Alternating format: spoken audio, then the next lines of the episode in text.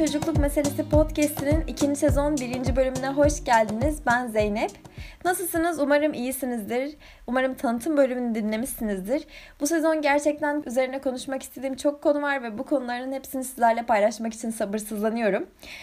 Bu bölümde ise geçen sezonun son bölümünde başlattığım yaşam becerileri üzerine konuşuyor olacağım.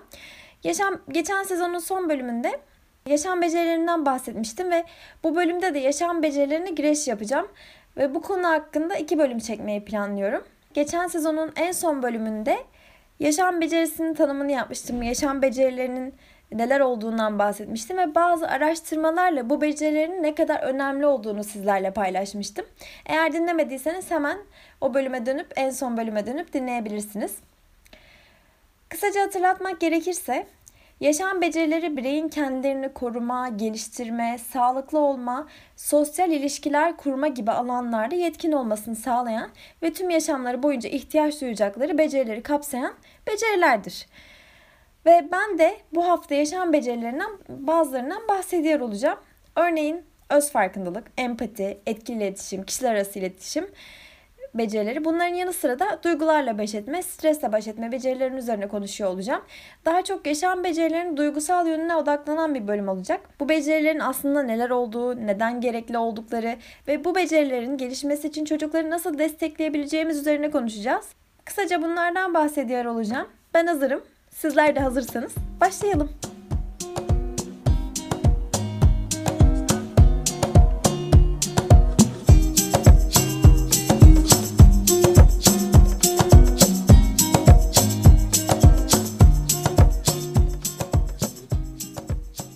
Öncelikle öz farkındalıktan bahsetmek istiyorum. Çünkü bence en önemli konulardan birisi kişinin kendinin farkına vararak, kendinin kim olduğunun farkına vararak ileride koyacağı hedefleri kendi yeterliliklerine göre belirlemesi çok önemli. Eğer tanımını yapmam gerekirse bireyin ben kimim sorusuna vereceği cevapların bütünüdür. Kendini tanıyan birey güçlü ve zayıf yönlerini, istek ve arzularını bilen kişidir. Tabii bu geniş bir tanım biz çocuktan elbette olağanüstü bir performans da beklemiyoruz bu konuda. Yani çocuğun kendine dair tüm cevaplarını bulmuş olması elbette beklenen bir durum olamaz. Aynı bir ara bir Atakan denen çocuk vardı hani şöyle hatırlayalım isterseniz. Evrensel ahlakı reddetmekle beraber e, özgür iradeye de inanmaz. Tabii çoğunluğu inanmaz. Mantıksızdır derler. Ama mantıksız olacağı için inanmak daha doğrusu inanmamak gerekli değildir. Üstün zekalı bu çocuğun yaşıtlarından daha ileri bir seviyede farkındalığa sahip olması doğal ama basit haliyle öz farkındalık çocuğun kendini ifade etmesi, sevdiklerinin ve sevmediklerinin farkında olmasıdır. Örneğin çilek severim ama portakal sevmem ya da duygularının farkında olması. Ne diyebiliriz? Şu an sinirliyim, şu an üzgünüm, şu an mutluyum gibisinden. Peki neden gereklidir öz farkındalık? Tabii ki çocuğun bulunduğu ortamda kendine benzerlerle iletişim kurması ve bu iletişimi sürdürmesi için gereklidir. Yani bunun yanında çocuğun gelecek yaşantısında yani büyüdüğünde sosyal ortamlara daha kolay adapte olmasını, hedeflerini belirlemede kendi becerilerinin farkında olarak adımlar atmasına yardımcı olacaktır. Peki bu önemli beceriyi, bu öz farkındalığı biz nasıl destekleyebiliriz çocuklarda? Bebekler ilk doğduklarında kendilerini annelerinin vücudunun bir parçası olarak düşünüyorlar. Yani kendilerinin ayrı bir varlık olduğunu anlayacak bilişsel kapasiteye sahip olmuyorlar. Ama bu zamanla gelişen bir özellik ve yaş ilerledikçe özellikle erken çocukluk döneminde oyun materyalleriyle, oyuncaklarla çocukların öz farkındalığı desteklemek mümkün. Peki nasıl? Öz farkındalığı desteklemek için farklı boyutlar var tabii. Örneğin oyun materyallerinin zenginliği, anne babanın ilgisi ve tutumu, uyarıcıların fazlalığı, uyarıcı dediğimiz çocuğun gördüğü, duyduğu, e, konuştuğu ifadeler oluyor, imgeler oluyor ve çocuğun kendini tanımasında bunlar önemli rol oynuyorlar. Oyun materyalleri çocuğun kendini ifade etmesini ve kendi veya karşısındakilerin istek ve gereksinimlerini öğrenmesine de yardımcı oluyor.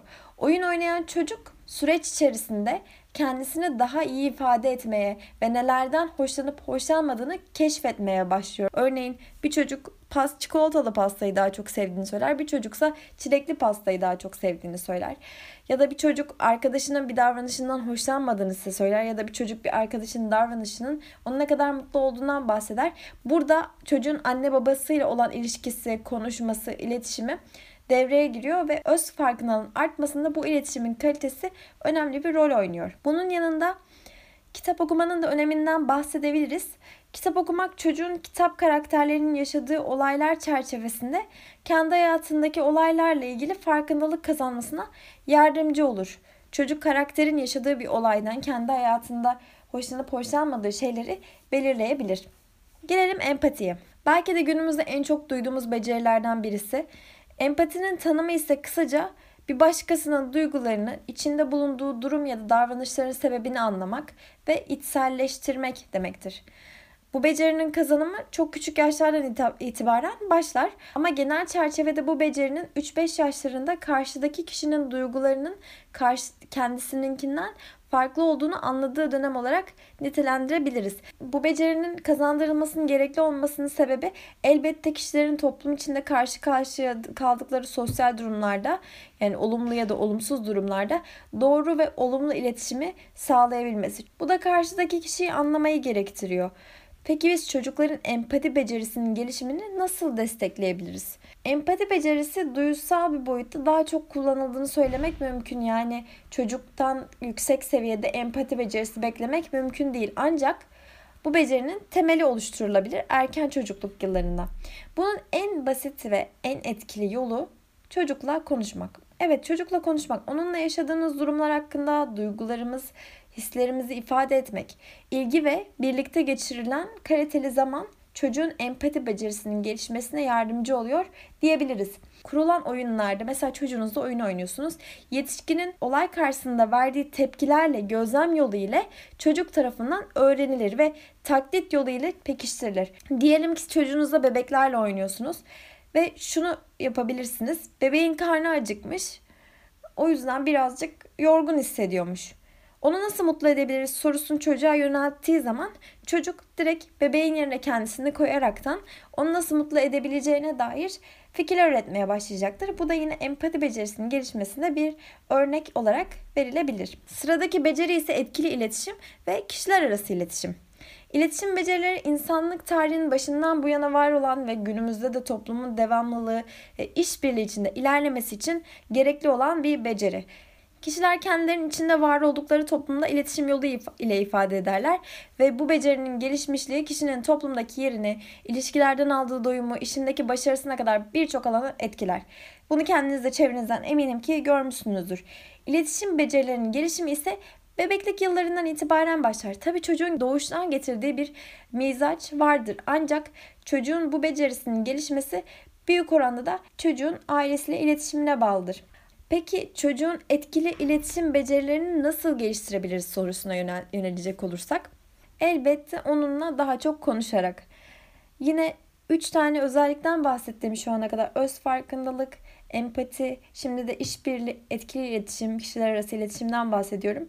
Yine dönüp geldiğimiz nokta aile ile çocuğun iletişimi. Çocukla daha çok konuşarak, kendisini daha fazla ifade etmesine imkan sağlayarak iletişim becerilerini güçlendirebiliriz. Mesela kitap okumak da yine bu buna bir örnek. Diyelim ki çocuğunuzla konuşacak bir konu bulamıyorsunuz ama genelde zaten çocuklar bu konuda çok istekliler. Ee, bazı çocuklar tabii daha suskun olabiliyor ama bazı çocuklar da gerçekten bir şeyler anlatma konusunda çok istekler. En azından anlattığı şeyleri dinleyip ona yönelik tepkiler vermek ya da eğer konuşacak bir şey bulamıyorsunuz kitap okumak çocuğunuzla olan iletişiminizi elbette artıracaktır. Kitabı okuduğunuzda kitapta geçen karakterin duyguları, kitapta geçen olay üzerine konuşmalar, kitabın dış kapağının görüntüsü bile olabilir konuşacağınız konu. Bir de çocuğun iletişim becerilerini güçlendirmek adına çocuğun kendini ifade gücünü güçlendirmek adına yanlış kurduğu cümleleri düzeltme. Ama bu cümleleri düzeltme dediğimiz şey tamamen hayır yanlış söyledim. Böyle söylemesi söylemelisin gibisinden değil de onun kurduğu kısa cümleyi genişletilmiş bir şekilde diyelim ki bu elma. Bunun bu genişletilmiş şekli nasıl olabilir? Bu kırmızı büyük bir elma diye düzeltebilirsiniz çocuğu. Düzeltmek değil daha çok genişletebilirsiniz. Böylelikle çocuğun kendini ifade gücü de artacaktır. Dolayısıyla iletişim becerileri de güçlenecektir. Son olarak bu bölümde bahsedeceğim başlığa gelelim. Duygularla ve stresle baş etme. Duygu düzenleme okul öncesi yaşlarda öğrenilen bir beceri. Duygu düzenlemeyi tanımlamam gerekirse çocuğun kendi duygularını, öfkesini, mutluluğunu, heyecanını, üzgün oluşunu kontrol edebilmesi, düzenleyebilmesi anlamına geliyor. 3 yaşlarından sonra akranlarıyla sosyalleşmeye hazır olan birey için akranlarıyla kuracağı ilişkiler önem kazanmaya başlıyor. Önceden de bahsettiğim gibi. Aslında biz yetişkinlerin daha zorlandığı konulardan birisi bu. Duyguları düzenleme, stresle baş etme.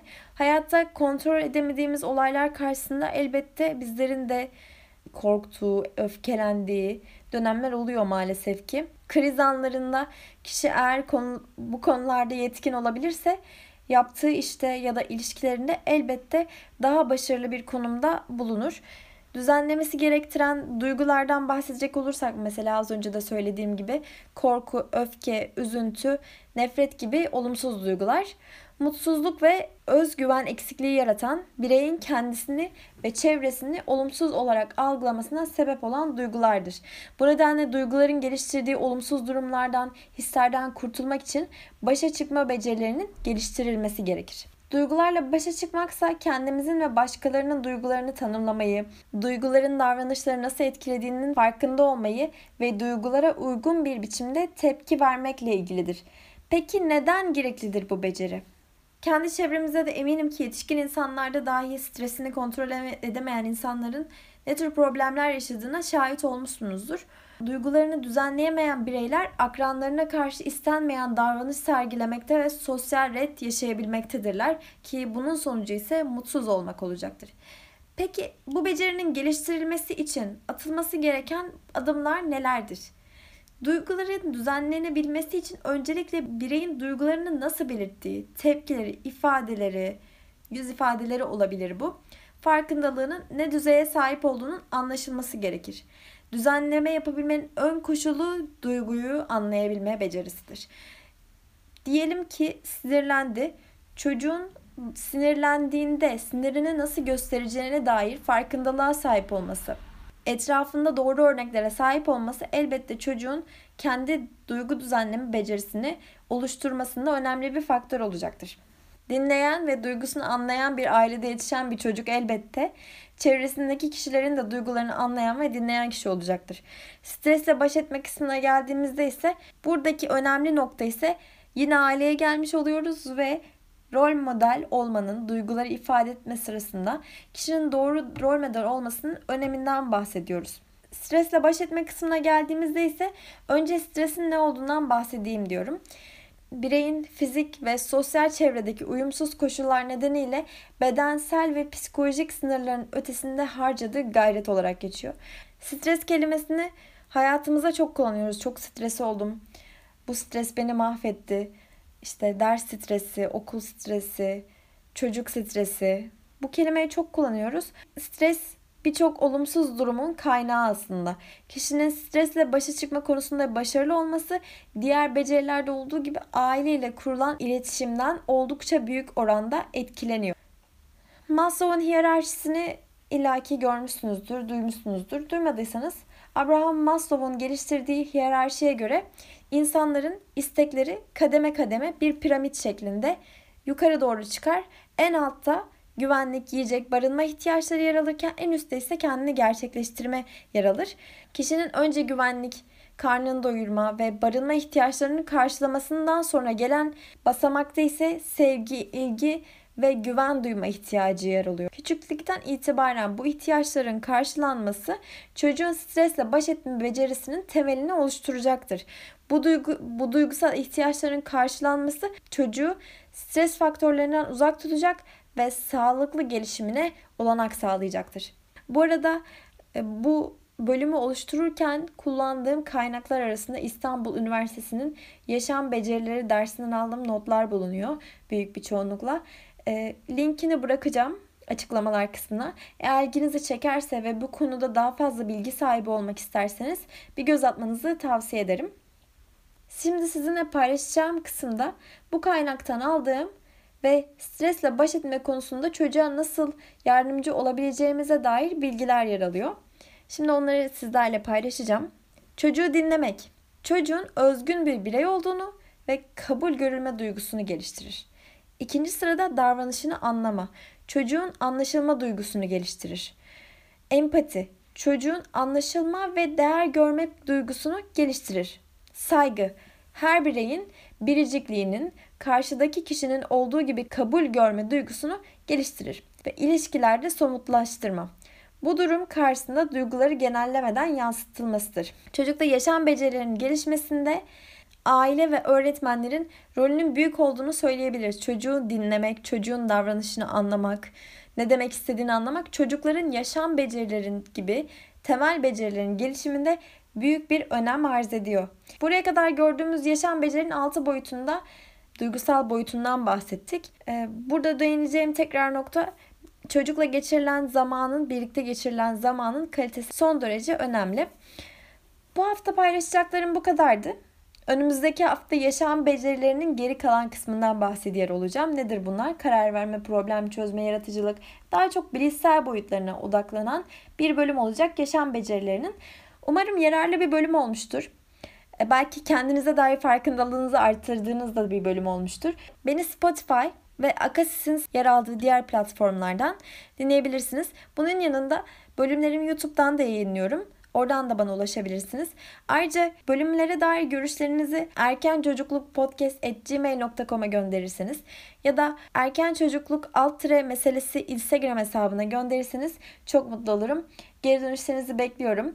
Öyleyse bir sonraki bölüme kadar sağlıkla, sevgiyle kalın ve hoşça kalın diyorum.